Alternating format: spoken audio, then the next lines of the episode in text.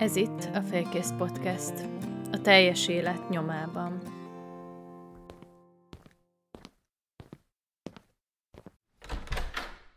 Sziasztok! Ez itt a Félkész Podcast, és ma egy különleges vendéggel vagyok itt. Talán háttértörténetnek annyi, hogy maga a podcast, vagy ennek az epizódnak a kitalálása az egyrészt azért történt, mert személyesen is nagyon kapcsolódom ugye az érték központú élethez, ugye minden epizód végén, akik éppen meg vannak hívva, azokkal beszélünk az értékeiről, megtárgyaljuk, hogy miért pont azokat választották, illetve hogyan jelennek meg mindennapjainkban. És hát ez az egyik, amiért mindenképpen azt akartam, hogy beszéljünk, és beszélhessek egy olyan szakmabelivel, aki tud mesélni erről a témáról.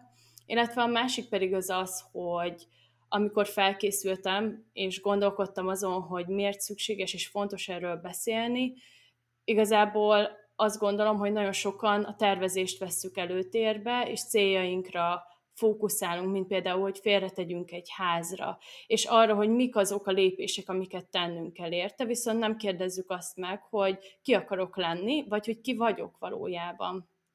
Tehát most vendégem Hegedűs Dóra, coach, gestalterapeuta, jogi szaklaveles közgazdász, azt hiszem a Nemzetközi Kócszövetség magyar tagozatának alapítója, jelenleg Dániel lakos, és mindezek mellett SZAP bajnok is vagy. Szia, Dóra! Szia, szia, köszönöm, igen.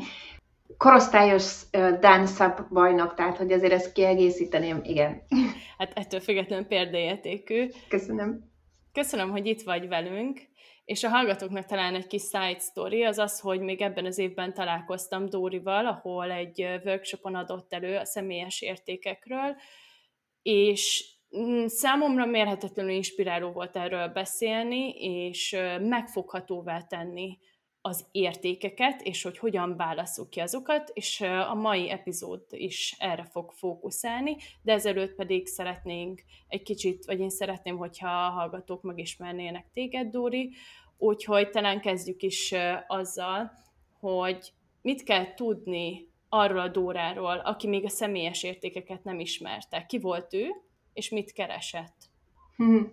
Hát ugye ez most már egy, visszanézve egy hosszú történet, és hogy igen, a, a, a keresés az mindig ott volt, ahogy szerintem így a, az emberek nagyobb részénél, és hogy így gyerekkorban is, kamaszkorban, felnőttkorban végig, és így utólag visszanézve azt hiszem az, hogy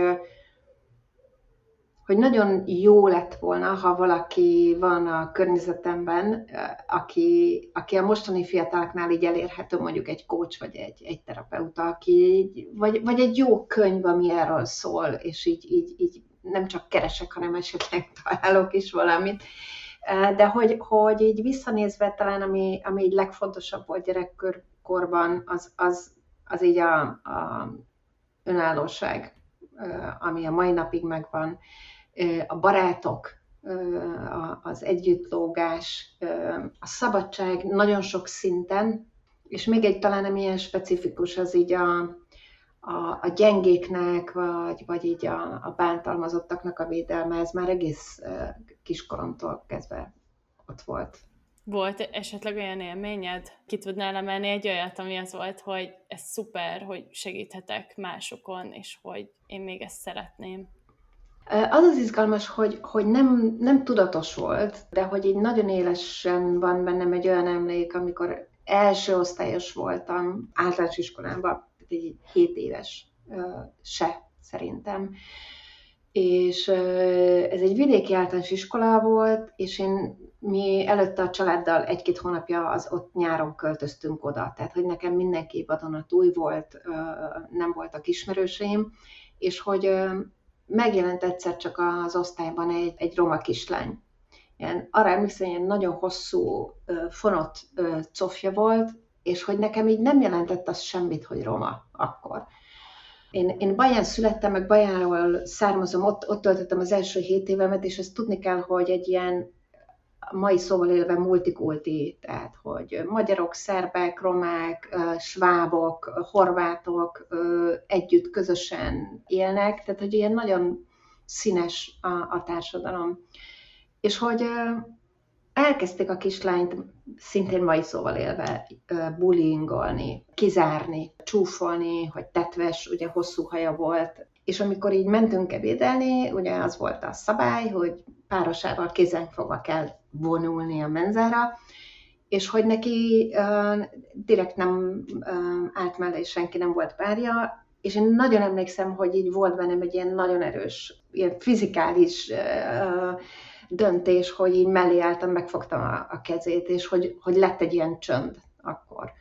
És ebben nem volt semmi hősies vagy tudatos, hanem egyszerűen ez így jött, és szerintem így, ez, így, ez, ez inkább ez, ami végig kíséri e, ennek a részét az életemnek, hogy, hogy ebben nincs egy ilyen nagyon tudatos döntés, hanem, hanem ezeket a helyzeteket egyszerűen nem lehet úgy hagyni.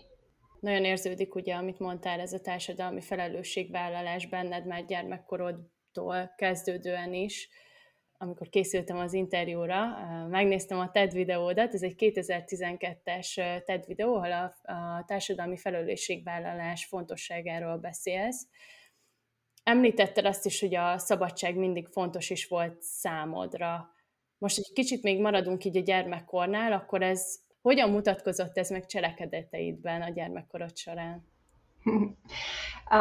Van egy ilyen családi sztori, hogy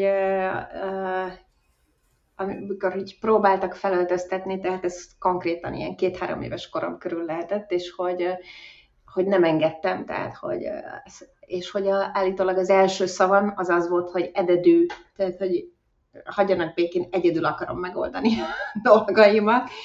Ez, hogy így ennyire tisztán igaz-e vagy sem, ezt nem tudom, de hogy a, a, a tartalma az valószínűleg. Tehát, hogy így gyerekként nagyon lázadó voltam, önfejű, mentem a saját elképzeléseim után lázadtam nagyon sokat. Van, hogy öncélúan, van, hogy nem öncélúan, de hogy leginkább például az igazságtalanságok ellen legyen az egy ártatlan családi helyzet, vagy, vagy akár így a, az iskolában történő dolgok, tehát hogy ezek így azonnal elindítottak, ami a mai napig elindít bennem folyamatokat, amikor azt hallom, hogy valamit nem szabad, vagy valamit lehetetlen vagy nem lehet megcsinálni, az így, az így eléggé motivál. És igen, a másik kedvenc szavam az, az a mai napig ez a, ez a miért. A férjem szokott azzal viccelődni, hogy mond valamit, vagy kér valamit, és akkor mindig, hogy miért. Mert hogy érteni akarom, hogy miért. Tehát mi, a, mi, mi van mögötte, mi a lényeg, mi a cél, mi, miért van ez az egész helyzet. És azt szoktam mondani, hogy hogyha mennénk az utcán és szólna, hogy álljak odébb, akkor először megkérdezném, hogy miért, csak közben a fejemre esne egy zongora, tehát hogy így... hát ilyen, ilyen van. És ami másik még, ami gyerekkoromból emlékszem, az a imádtam a magyar népmeséket, a történelmet, az irodalmat, tehát hogy én nagyon inkább ilyen beállítottságú voltam, viszont a magyar közmondások az, az esetek nagy részébe kiakasztanak a mai napig. Tehát, hogy ami, mert nagyon sokszor igazságtalannak tartom őket, kirekesztőnek, ítélkezőnek, és hogy, hogy szintén az igazságtalanság része, amikor közösségek arra használják, hogy, hogy másokat megbélyegezzenek. Tehát, hogy ez a nem, zarag, nem zörög a haraszt, ha a szél nem fújja, mélységű közmondásokra gondolok, ami kizárólag arra alkalmas, hogy, hogy valakire elkezdjenek mutogatni. És így érzem, hogy megy föl bennem a pumpa. És ezeket hívjuk tanulságoknak, nem? Úgy mondják, úgyhogy nagyon érdekes, hogy, hogy ez valójában egy ítélkezés a mögött sokszor. Még mondtad ezt a lehet, lehetetlent, hogy nekem az a párhuzam jutott eszembe erről, hogy amikor megmondták nekünk, hogy mi a normális, vagy az elvárt, meg mi az, ami más. Tehát, hogy ne csináld azt, mert és, és a másik, hogy nem csak más, hanem szerintem komfortzónán kívüli.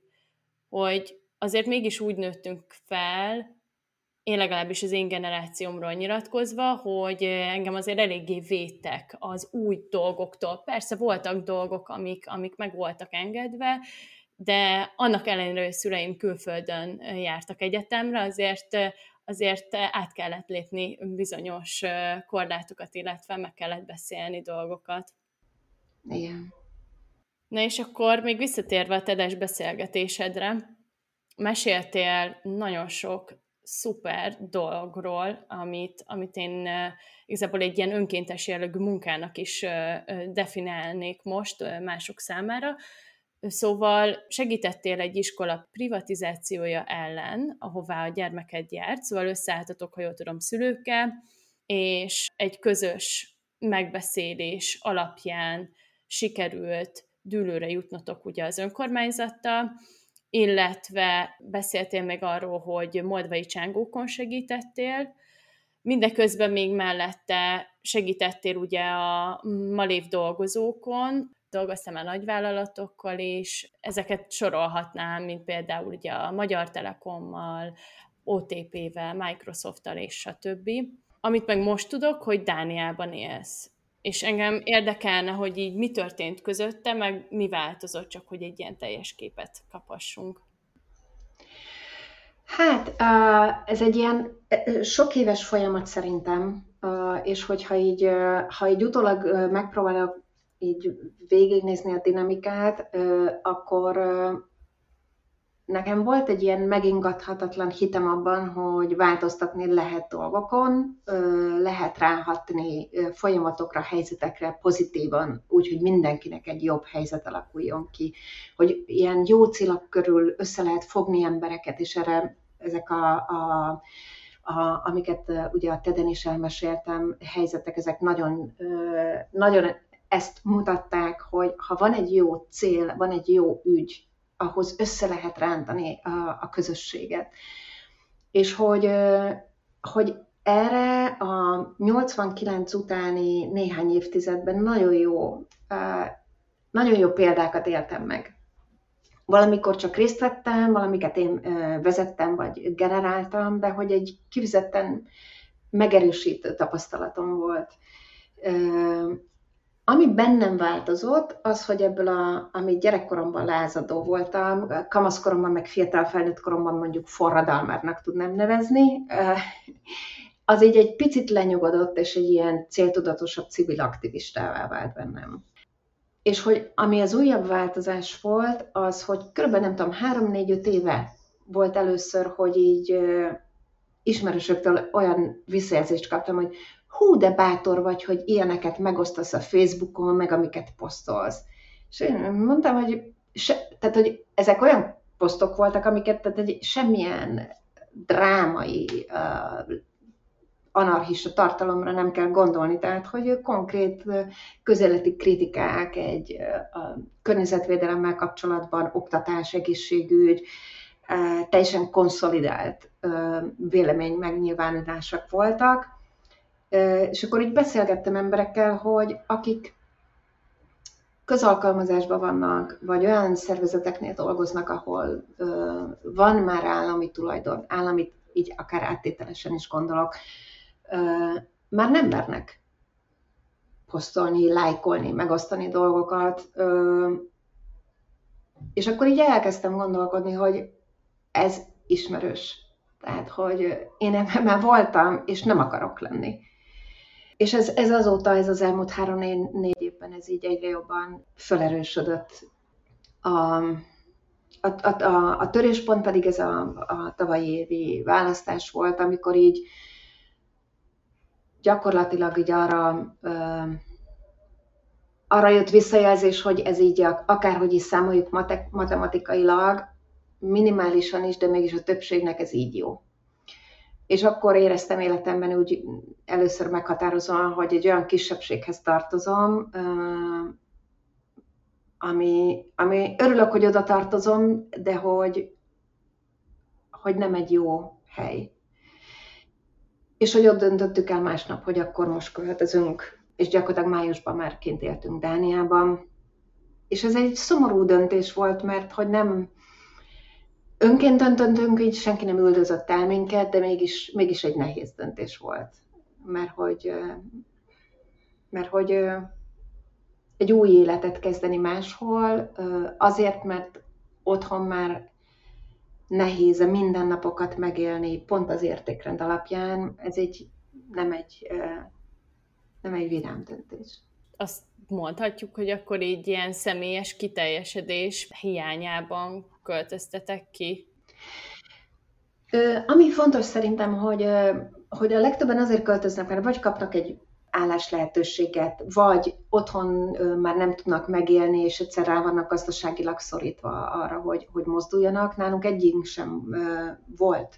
Tehát, hogy ezért is volt nehéz a döntés, mert mind a kettőnknek jó bevétele állása volt, tehát pénzügyileg semmi fönakadásunk nem volt, nem is kerestünk állást külföldön.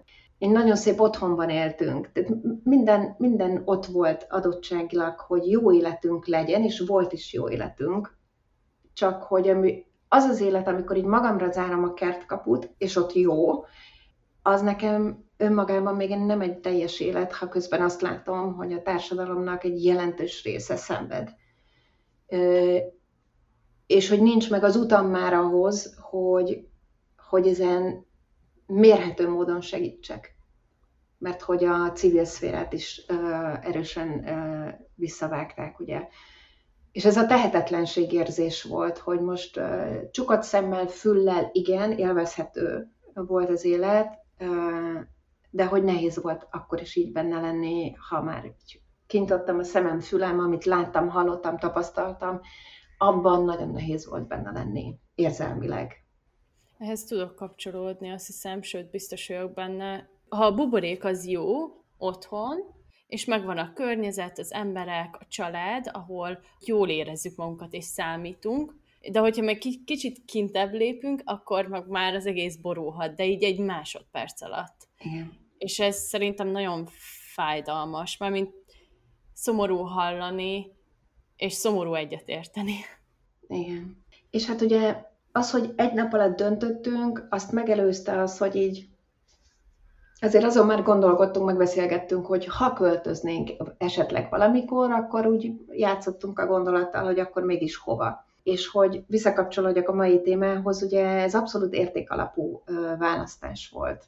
Tehát, hogy szerettünk volna az EU-ban maradni, és azon belül ugye legvonzóbb ország, meg nyelvtudás szempontjából is, Olaszország, Franciaország, hát ugye ki ne szeretne oda járni nyaralni, de hogy uh, ilyen csöbörből vödörbe lett volna, mert hogy Olaszországban sem kisebb a korrupció, mint otthon. Tehát, hogy egy, Állandó lakosként már valószínűleg, hogy nagyon hasonló ö, értékrendi válságban ö, lettünk volna, mint otthon, tehát nem, nem segített volna, és hogy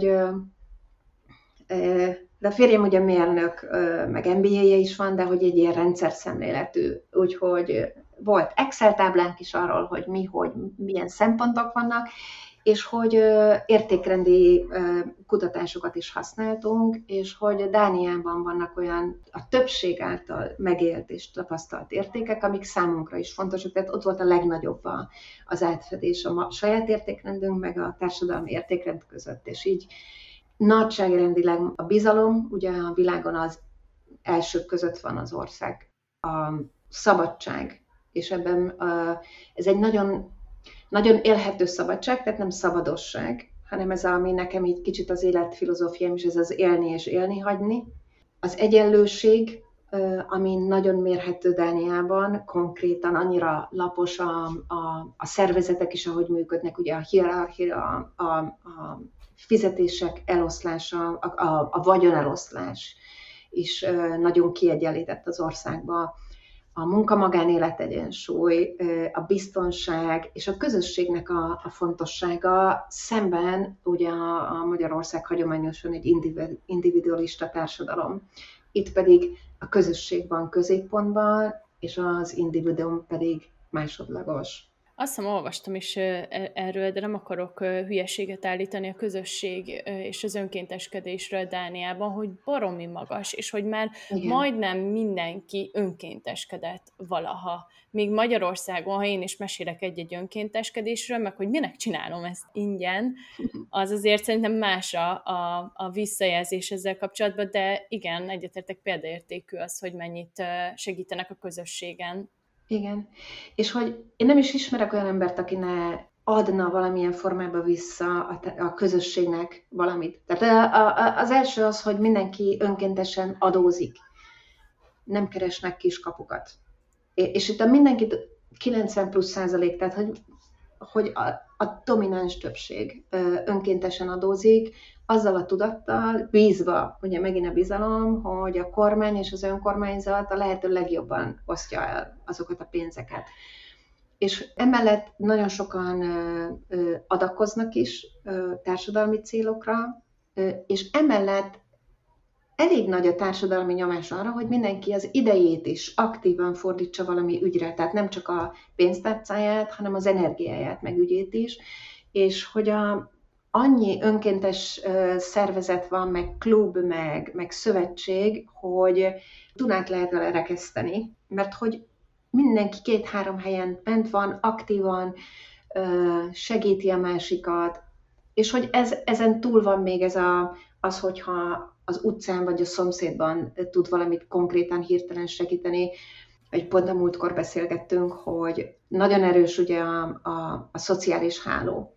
Tehát, hogy így, mint a cirkuszban, ilyen több háló van egymás alatt, és az, hogy valaki hajléktalanné váljon, az, az ilyen több tényező együttes, erős fönnállása kell, míg Magyarországon mondjuk egy, egy rosszabb vállást követően, ha egy férj kikerül az ingatlanból, átlagosan hat hónap alatt hajléktalanná tud válni. Mert albérlet gyerektartást nem tudja fizetni, elveszíti az albérletet, munkanélkülő válik, és gyakorlatilag hat hónap alatt teljesen uh, hétköznapi módon hajléktalan és munkanélküli tud válni. Ez Dániában majdnem elképzelhetetlen. Mert ott van az állam, ott van az önkormányzat, és ráadásul ott van egy ilyen társadalmi háló az emberek körül, ami, ami azt jelenti, hogy ha valaki egy ilyen helyzetbe kerül, kinyúlnak hozzá. Azzal a bizalommal, hogyha én kerülnék bajba, ugyanezt a támogatást megkapnám a környezetemtől. És ez az, ami, ami elképzelhetetlenül könnyebbé és stresszmentessé teszi az életet. Ezt a közösségi vagy társadalmi felelősségvállalást, amit eddig tettél, most jelenleg hogyan elégített ki? Hmm.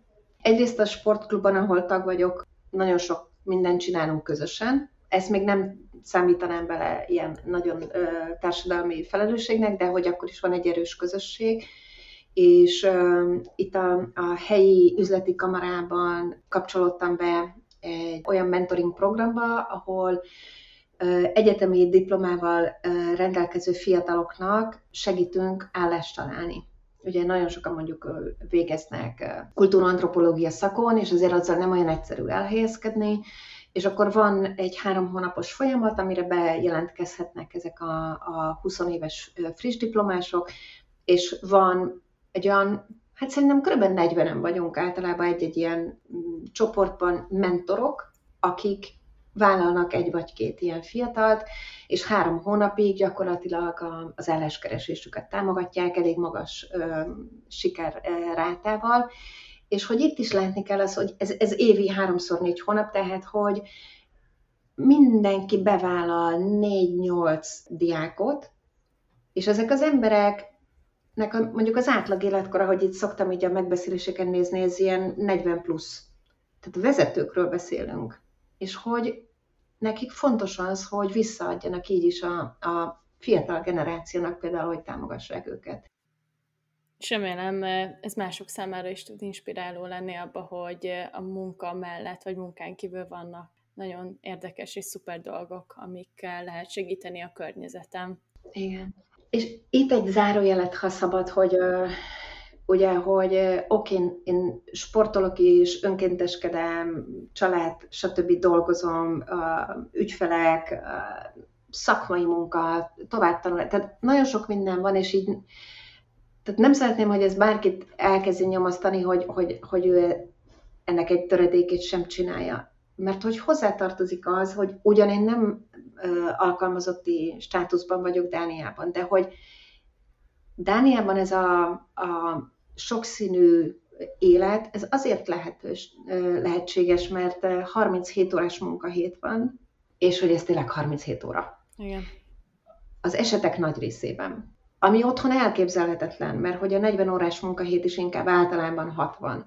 És ha valaki este hétre ér haza, akkor természetes, hogy a vacsora beszélgetést, esetleg tévé vagy valami után bedől az ágyba, hogy másnap még valahogy tudjon dolgozni. A hétvégében mondjuk a szombat az takarítás, alvás, nem tudom, és akkor talán a vasárnap van egy szabad nap, amiben egy ilyen menetrendben nagyon nehéz akár a napi sportolást is beépíteni, nem hogy azt, hogy akkor még elmenjek valahova önkénteskedni. Tehát, hogy ilyen szempontból is jobb az egyensúly Dániában, hogy ezek mind beleférnek így a hétköznapi életbe is. Igen, tényleg ezt aláírom meg a 37 órát is mindenképpen, és csak hadd meg egy rövid történetet, hogy én dolgoztam full-time Magyarországon, meg Dániában is, és ott nem egyszer kaptam meg azt a feedbacket Magyarországon, amikor ötkor felálltam az asztalról, hogy én akkor megyek haza, hogy miért nem teszek még bele a cég jövőjébe. Mm.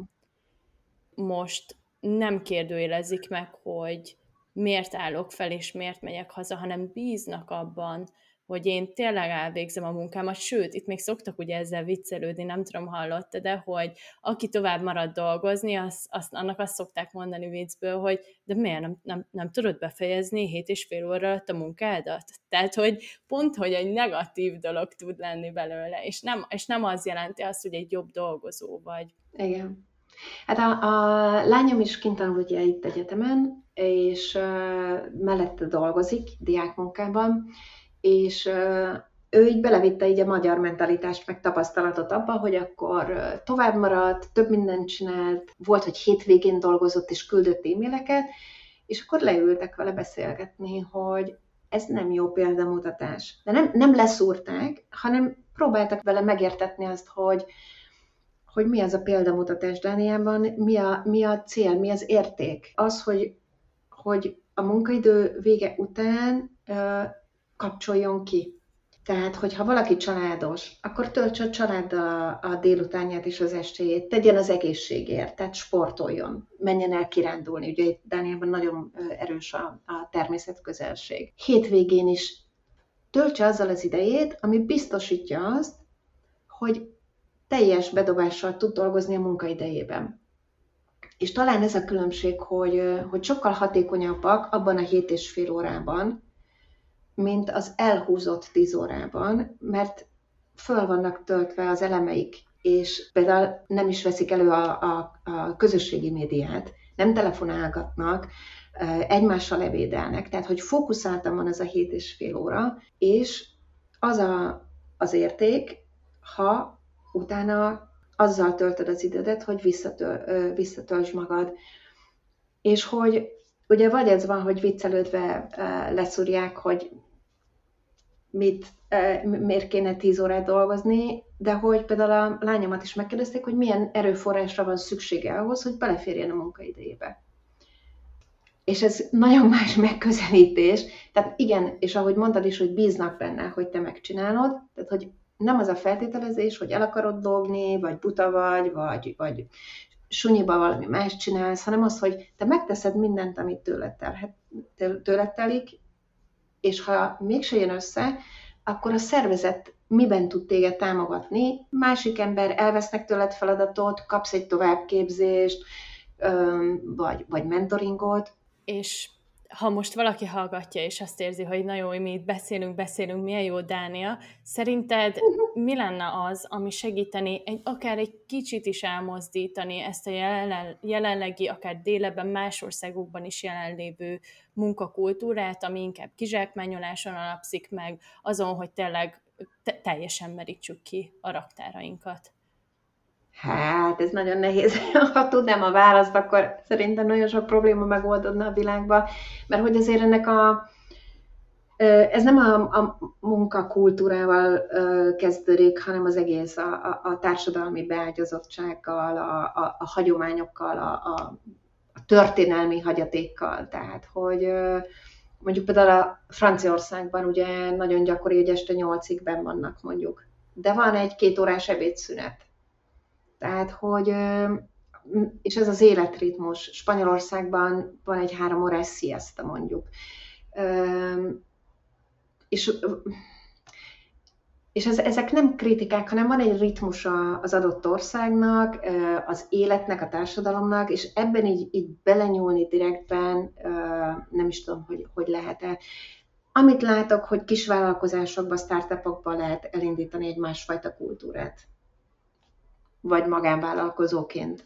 De hogy egy nagy szervezetet átalakítani, maximum, ha egy nemzetközi szervezetről beszélünk, és van egy nagy szervezetfejlesztés, átalakítás, ami 3, 4, 5, 6 év, mire változást hoz, akkor igen, az adott szervezeten belül igen. Valamit hadd kérdezzek meg, mert ugye említetted, hogy gestalt terapeuta vagy, és engem nagyon megfogadtam, amit a weboldaladon írtál, mert igazából az egész félkész podcast koncepciója is valami hasonló. Ugye a német gestalt szó, a fordít, tehát hogyha lefordítjuk, azt jelenti, hogy egészé válni. És azt írtad, hogy az ügyfél saját maga jobb megismerésével és elfogadásával teljesebbnek, önazonosabbnak érezheti magát. Mit jelent ez a ez az igazából ez az egészé válás számodra, meg szerintem beszéljünk arról is, hogy mit akar a gestalterápia, mert számomra ez egy ismeretlen terület. Jó, szívesen. Nagyon röviden talán így az, hogy mi, a gestalterápia. Uh, ez a, a pszichoterápiának az egyik irányzata, ami gyakorlatilag élmény alapú beszélgetés, egy, egy professzionális dialógus, de élmény alapú, ami a, az itt és mostban zajlik kettőnk között, hogyha egyéni terápiáról beszélünk. És kevésbé múlt fókuszú, mint, mint jelen fókuszú. Hát, hogy mi történik most itt kettőnk között, hogyan hatunk egymásra, a, az az élményen keresztül, a megélt helyzeten keresztül, beleértve az érzelmeket, a testi érzeteket, milyen felismerések tudnak születni az ügyfélben. Kevésbé történetmesélős, kevésbé analitikus, mint általában más pszichoterápiás irányzatok, hanem, hanem ez, a, ez a pillanatnyi megélésből nyert új ismeretek, érzések, tapasztalások, és azoknak a beépítése. Talán így. De ez, ez ez az én egyéni megfogalmazásom, és szerintem, hogyha megkérdezel tíz másik kestaltost, akkor más válaszokat kapsz, amiben természetesen van átfelés, de hogy, hogy egy ilyen, pont azért, mert egy kísérletező módszertan, nem csak beszélünk, hanem, hanem vannak benne, hogy oké, okay, akkor, akkor próbáljuk ki, hogy milyen ez, milyen lehet felállva a székből akár, átélve dolgokat. Éppen ezért ez a kísérletezésből is fakadólag az, hogy, hogy ez a gestalt, ami így a, az 50-es években született meg az USA-ban, ez azóta több ilyen nagy átalakuláson ment keresztül, és folyamatosan változik. És hogy a fókuszban ez a, a felismerés, az elismerés és a beépítés, az integrálás van természetesen, mint a, mint, mint a legtöbb terápiában. És ez az egész válás ugye feltételezi azt, hogy, hogy, hogy akkor mi van, hogy akkor valaki nem egész, akkor töredékeiben van, vagy részeiben, és talán itt, itt az fontos, hogy ahogy életünk során érnek minket sérülések, nevezhetjük traumának is, de, de most talán egyszerűbb egy sérülésnek nevezni. Vannak olyan, olyan részeink, amik ott eltávolodnak tőlünk, vagy mi távolítjuk el, mert annyira fájdalmas.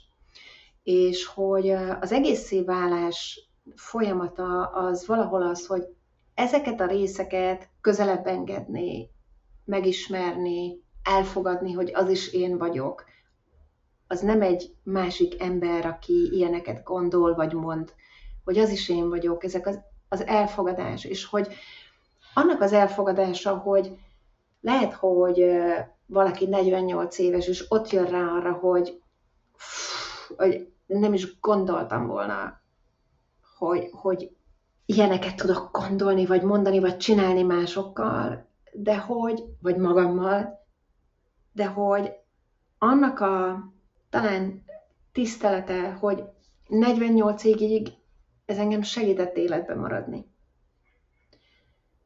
leginkább gyerekkorban segített valószínűleg ez a működés valahogy életben maradni, de legalábbis az volt a feltételezésem.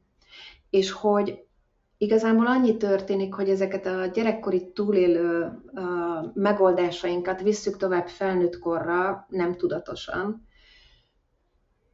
és egy idő után már nem segít. Csináljuk, de több problémát okoz, mint amennyi megoldást hozna. És hogyha felnőttként ezeket sikerül megtalálni, valahol elfogadni azt, hogy erre volt idő, amikor szükségünk volt, de most már nincs rá szükség, és keresni más reakciókat, keresni más kapcsolódásokat erre, és hogy ez a felismerés, elfogadás, integrálás e, arra ad szabadságot, hogy másképp is tudjak reagálni. És az sem biztos, hogy tökéletes, akkor találok egy harmadikat. Tehát, hogy mindig meg lesz emiatt a döntésnek a szabadsága. És még az is lehet, hogy ugyanolyan idióta módon reagálok, de az már egy tudatos átfut az agyamon, hogy most tudnám másképp is csinálni, de, de mégis, és még azt is tudom, hogy mi lesz a következménye. És ott van a választás szabadsága, hogy megpróbálom másképp, és egy más következménnyel. És hogy valahogy ez a, az egészéválás, ezeknek a, a részeknek, a régi megoldásoknak a, a felfedése, elfogadása, integrálása. Mert például mondjuk egy besértődés az, az, az lehet egy olyan önvédelem, hogy egyszerűbb besértődni, és ezzel gyakorlatilag egy falat húzni az élményes közém, ami történik velem, amit én bántónak élek meg, és hogy ne fájjon, ezért megsértődöm a másikra.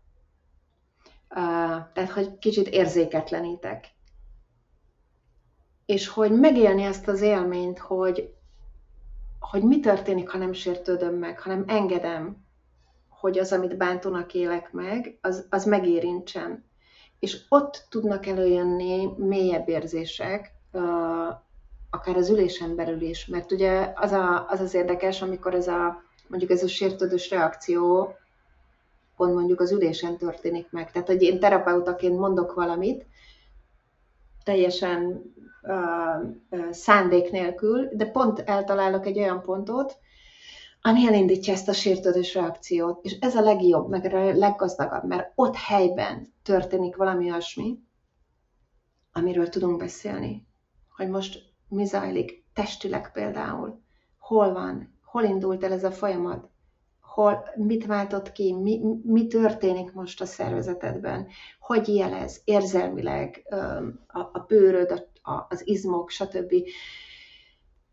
És mivel ez egy biztonságos közeg, ahol vagyunk mi ketten, ezért van esély arra, hogy egy picit ezt a sértődést engedjük lejjebb, és tudjunk azzal dolgozni, hogy érze, hogy mégis mi, mi történik, nézzük meg, beszéljünk róla, éljük át.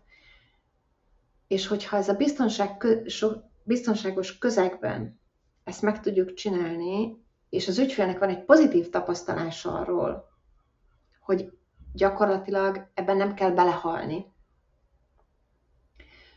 akkor jó eséllyel utána már a terápiás szobán kívül egy másik helyzetben, ami még szintén általában mondjuk egy biztonságos, tehát barátokkal vagy családdal, is mer vele kísérletezni, és idővel, ahogy ebben megerősödik, lehet, hogy akár idegenekkel is ugyanezt a helyzetet másképp tudja.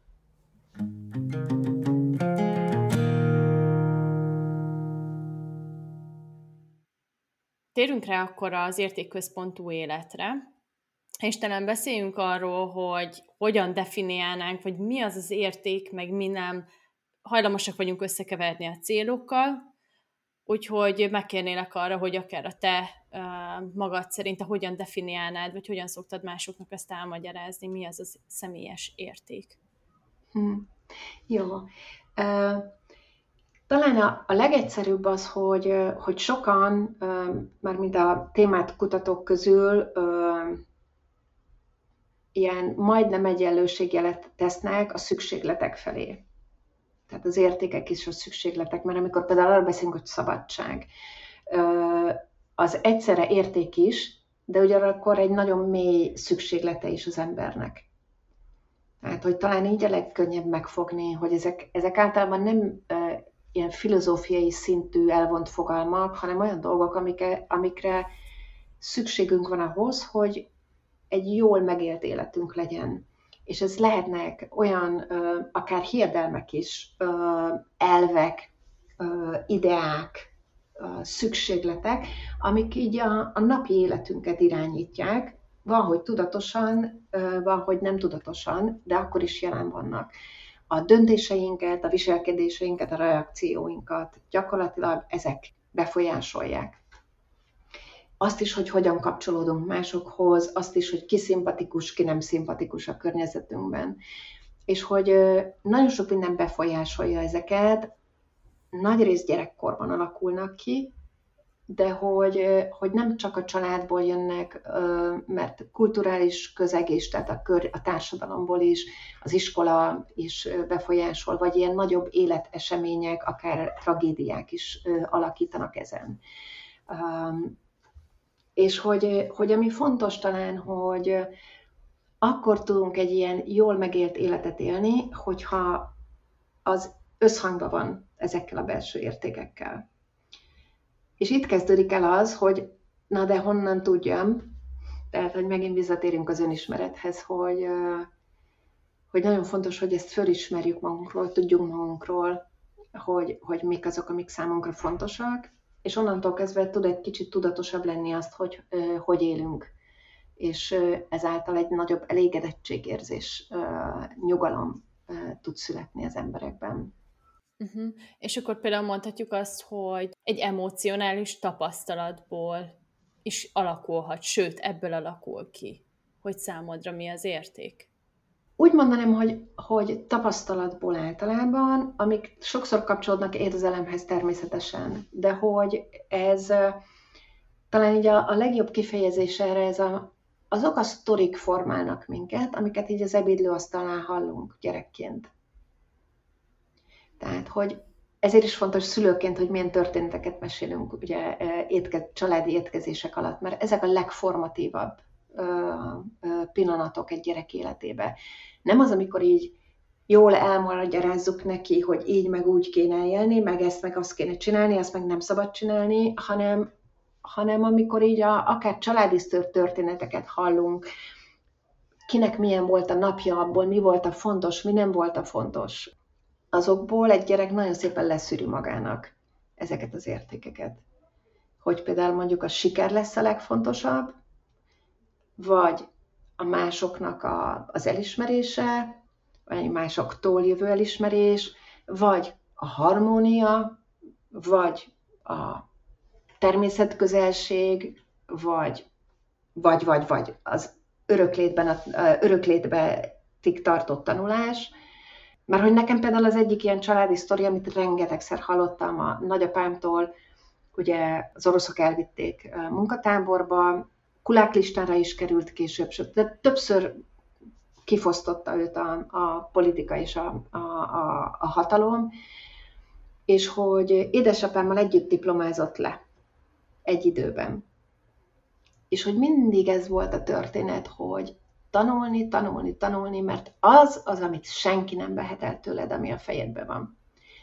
És hogy nekem van négy diplomám, meg plusz még nem tudom hány felsőfokú végzettségem, négy nyelven beszélek folyékonyan, most tanulom ugye a Dánt hozzá.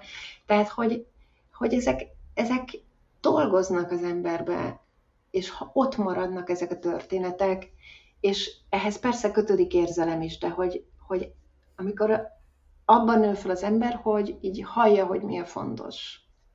Ez nagyon érdekes. Ezek az életesemények ilyen, ezek is egy ilyen hajtóerők, vagy driverek tudnak lenni abba, hogy hogyan döntünk. Meg szerintem én még csak egy apró megjegyzéskép azt is mondanám, hogy szerintem lehet, hogy pont ellentétes lesz az értékünk, nem? Tehát, hogy meg vagyunk kötve, mondjuk így, meg úgy kell cselekedni, és ebből adódóan Igen. lesz mondjuk a szabadság, egy személyes értékem. Igen, igen. Hát um, erre, erre talán az egyik legkézzelfoghatóbb példa, hogy a, a szólásszabadság. Tehát nekem a szabadság ugye magában is fontos, de hogy a szólásszabadság kiemelten fontos. És hogy ez például konkrétan emlékszem rá, hogy szintén ilyen családi étkezéseknél, amiket a szüleim beszéltek történteket, általában az volt a vége, hogy odafordultak, és azt mondták, hogy de ezt senkinek nem mondhatjátok el. Ugye én a, a én 70-es, 80-as években voltam gyerek. Ott nem volt szó lesz szabadság. És nagyon komoly kockázatai lettek volna, hogy azokat a, a történeteket, ugye egyik szülem se volt pártak természetesen, bárki meghallja, vagy, vagy elterjed. Tehát, hogy én úgy nőttem föl, hogy vannak dolgok, amikről nem lehet beszélni az ajtón kívül. És hogy emiatt ez egy nagyon érzékeny lett számomra, és hogy én visszatérve az iskolára, tehát hogy én emlékszem, hogy alsó tagozatban már én voltam az fali felelős, utána iskolarádió, gimnáziumban, meg főiskolán is, iskola szerkesztő, tehát, hogy én, én a, a Facebookot, meg a LinkedIn-t is persze személyes dolgokra is használom, de hogy, hogy kicsit ez így az ismerősöm, hogy miért posztolok ennyit. Tehát, hogy így, így valahogy így muszáj osztanom, ez, ez nagyon belülről jön, hogy, hogy így a, egy ilyen edukáció is, hogy az igazsággal kapcsolatban. És hogy érdekes módon 89 és így az elmúlt néhány évvel ezelőttig fontos volt, de nem volt a legfontosabb. És amióta szorul össze a szólásszabadság, azóta vált megint dominánsan fontossá. Hm. És hogy hasonlóan, hogyha valakinek a legfontosabb például a, a párkapcsolati biztonság, vagy az otthon melege, meg ez a stabilitás, a, stb. Amikor ez nincs meg, akkor ez egy mindent fölülír.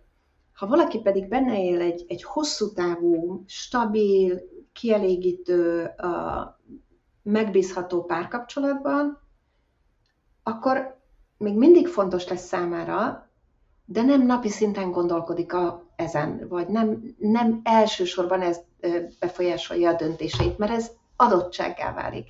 Úgyhogy ilyen módon is így mozognak ezek a, az értékek a, a hiányok hatására is. Hm, köszi. Azt még mondtam a célokat, meg hogy ne tévesszük össze értékekkel.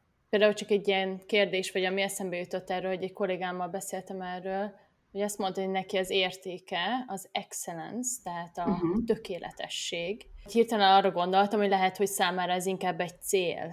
Tehát uh-huh. az a kérdésem, hogy mit, mi a különbség a kettő között? Uh-huh. Nekem, én, én kicsit úgy látom, hogy a, az értéket az nem úgy, nem úgy van, hogy így eldöntöm, hogy, hogy akkor én szeretném, hogy ez legyen az értékem. Tehát, hogy ez nem annyira egy ilyen kognitív folyamatnak az eredménye. A cél az viszont mindig egy kognitív folyamat eredménye, tehát hogy így végig gondolom, tervezek, beszélek másokkal, utána járok, stb. szemszerűsítem, tehát, hogy az, az, egy, az egy nagyon kézzelfogható dolog lesz, egy, amikor egy célt jelölök ki. És hogy az excellence, az mind a kettő lehet szerintem. Attól függ, hogy attól függ, hogy ez honnan, honnan jön, mert hogyha valakit ez a kiválóság hajt, akkor ez gyakorlatilag az lesz, hogy, hogy a munkájában, meg mindenben ugye nagyon magasra teszi a, a lécet.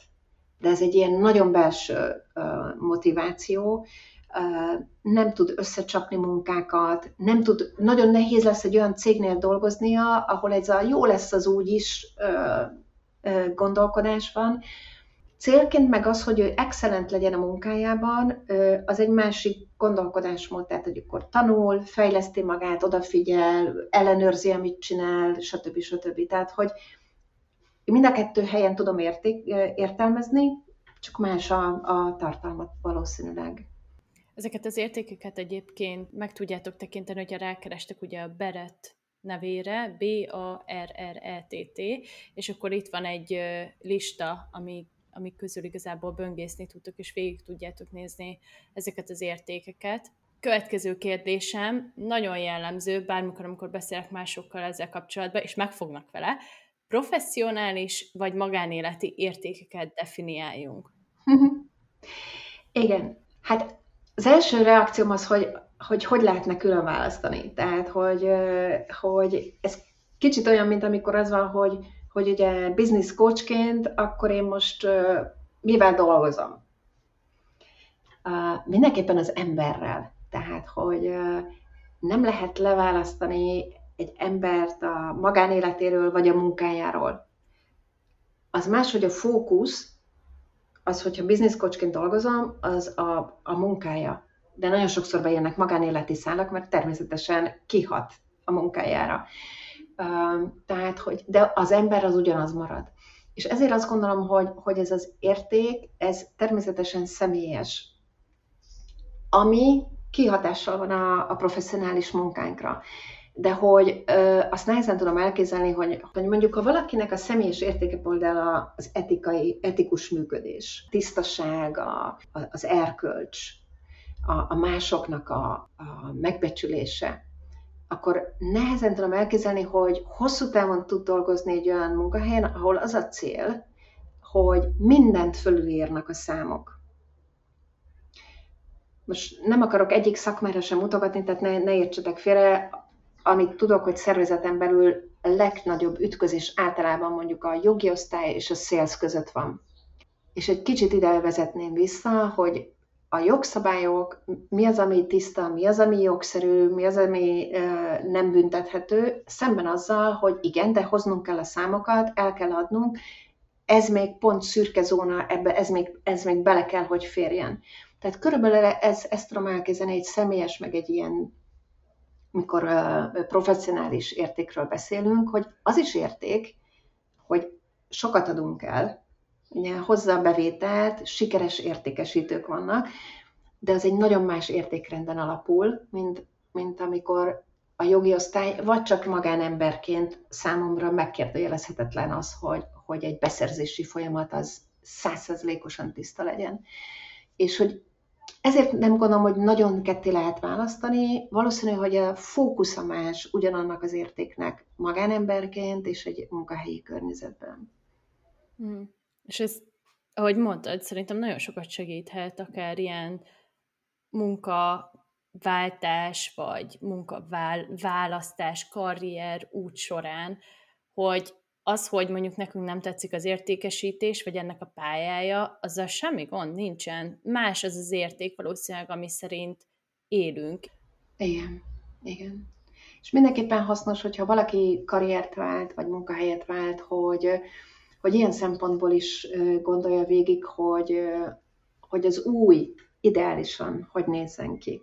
Nem csak a fizetés, meg a pozíció, hanem hogy, hogy mi az, ami, ami értékessé teszi majd azt a munkát, amit vállal, hogy nem csak egy munkahely lesz, meg egy ledolgozott óraszám, meg fizetés, hanem, hanem amivel hatással tud lenni a, mások életére, a saját életére, jó érzéssel tölti el, és ez csak akkor működik, hogyha, hogyha ezek az értékek harmóniában vannak.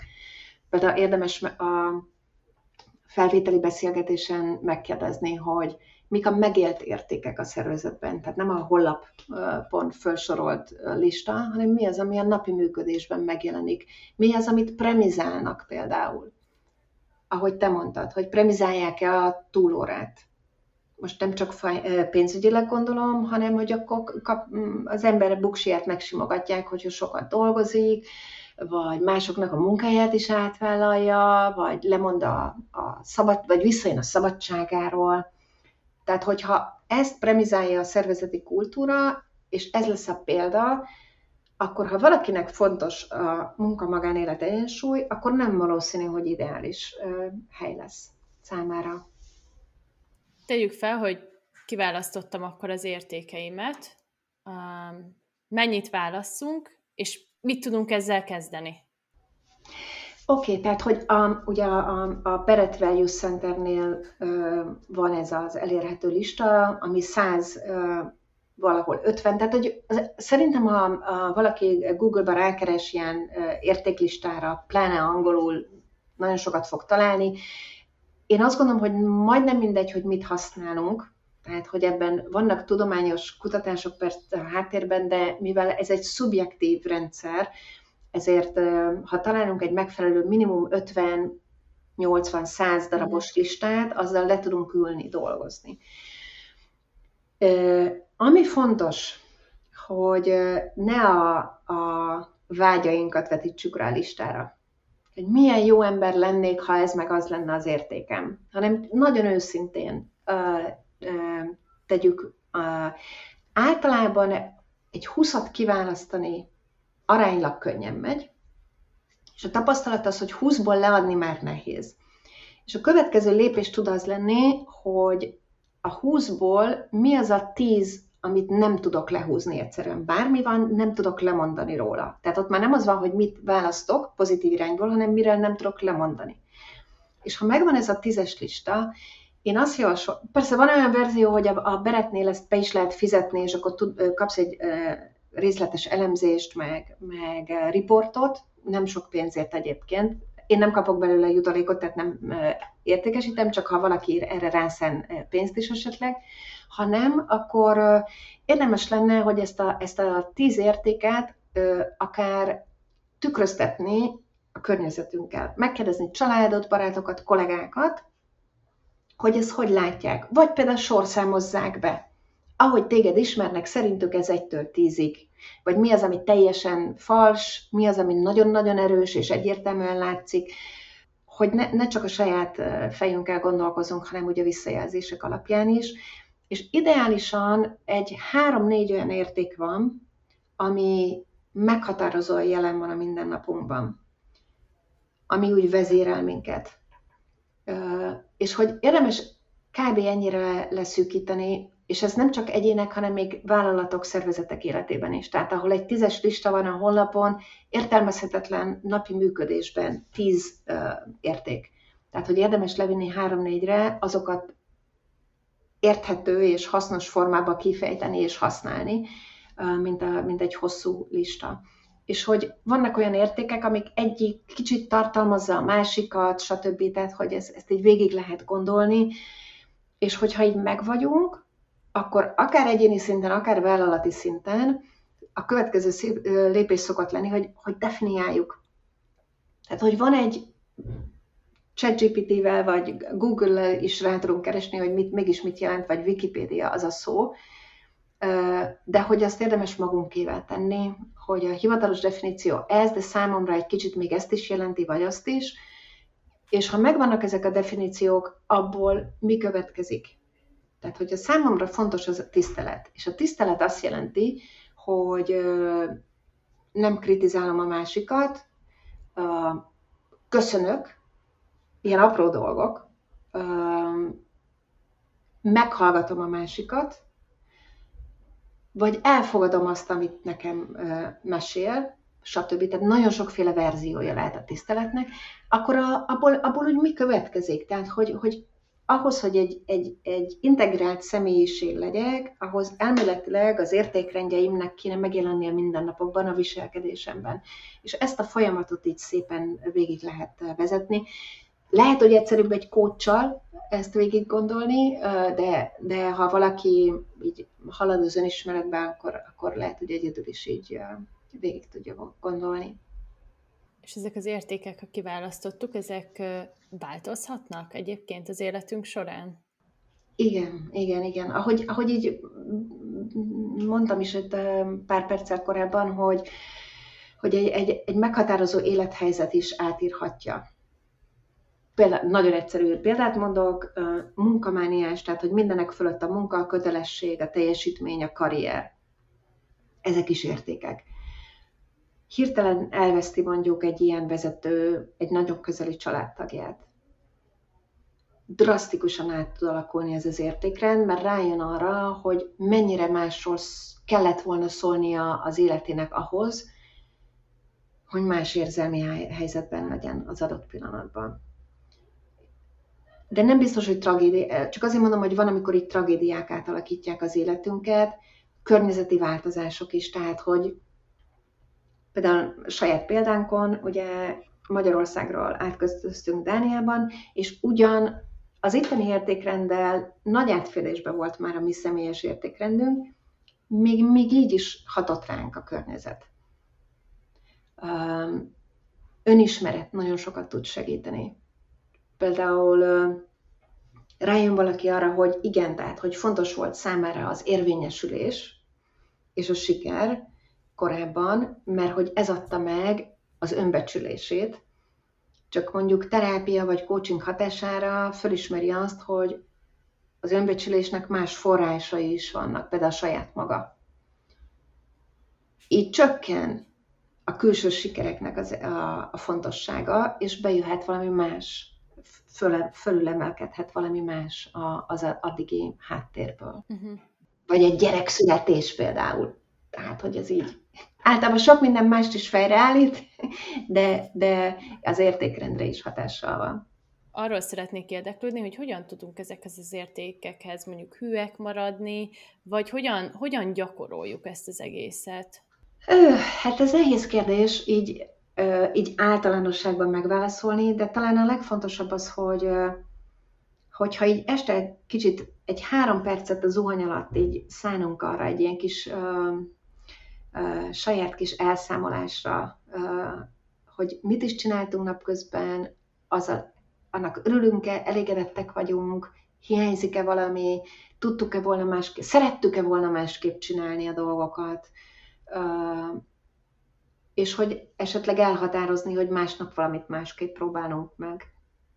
Ehhez persze tudnunk kell, ismernünk kell az értékrendünket, hogy van átfedésbe az értékrendünk azzal, ami aznap történt velünk, amit aznap csináltunk, ahogy csináltuk a dolgokat, és hogy, és hogy annak alapján akár azt mondani, hogy oké, okay, holnap nekifutok, lehet, hogy először bocsánatot kérek a kollégámtól, vagy kedvesebb leszek, vagy határozottabb leszek például, kevésbé leszek kedves. Ez is simán értékrend alapú döntés lehet, mert hogy jobban ki akarok állni azért, amiben azt hiszem, hogy az az igazság. Tehát, hogy van egy ilyen, azt gondolom, hogy itt a tudatosság lehet fontos, akármilyen helyzetben is élünk, hogy történnek velünk a dolgok, meg sodródunk, vagy értjük, hogy mi miért történik, sőt szabad döntésünk van abban, hogy, hogy mit csinálunk, vagy hogyan reagálunk. Köszönöm szépen, hogy válaszoltál ezekre a kérdésekre, és kértem tőled ajánlót is olvasni valókhoz, úgyhogy ezeket majd be fogom linkelni az epizód alatt, úgyhogy ezek angol nyelven vannak, és Dóri és az én ajánlásom úgyhogy reméljük, hogy hasznotokra válhat, illetve hogy hasznos volt a beszélgetés. Tényleg nagyon köszönöm szépen a, az idődet is, hogy megosztottad a véleményedet. Uh-huh. Nagyon szívesen, és akár hogyha egy gondolat is így segít valakinek abban, hogy, hogy kicsit egy más perspektívában lásson rá dolgokra, akkor már nagyon megérte szerintem mind a kettőnk idejét, mert köszönöm a te idődet is és hogy, hogy tényleg én is azt gondolom, hogy, hogy ez, ez nem egy ilyen személyes beragadás, hogy érték, meg értékközpontú, meg érték alapú, hanem, hanem valahol ez, ez, ez egy olyan gyökér, hogyha ezeket megtaláljuk és meg tudjuk élni, ami, ami tényleg teljessé tudja tenni az életet. És nem egy modell, nem egy újabb módszertan, nem egy újabb tízpontos lépéssorozat a boldog élet felé, hanem ez egy, ez egy hosszú távú munka, egy felfedező munka, de valami olyasmi, ami, ami tényleg így kerekké teszi a mindennapjainkat is. Úgyhogy köszönöm a figyelmet én is. Köszönöm szépen. Sziasztok! Sziasztok!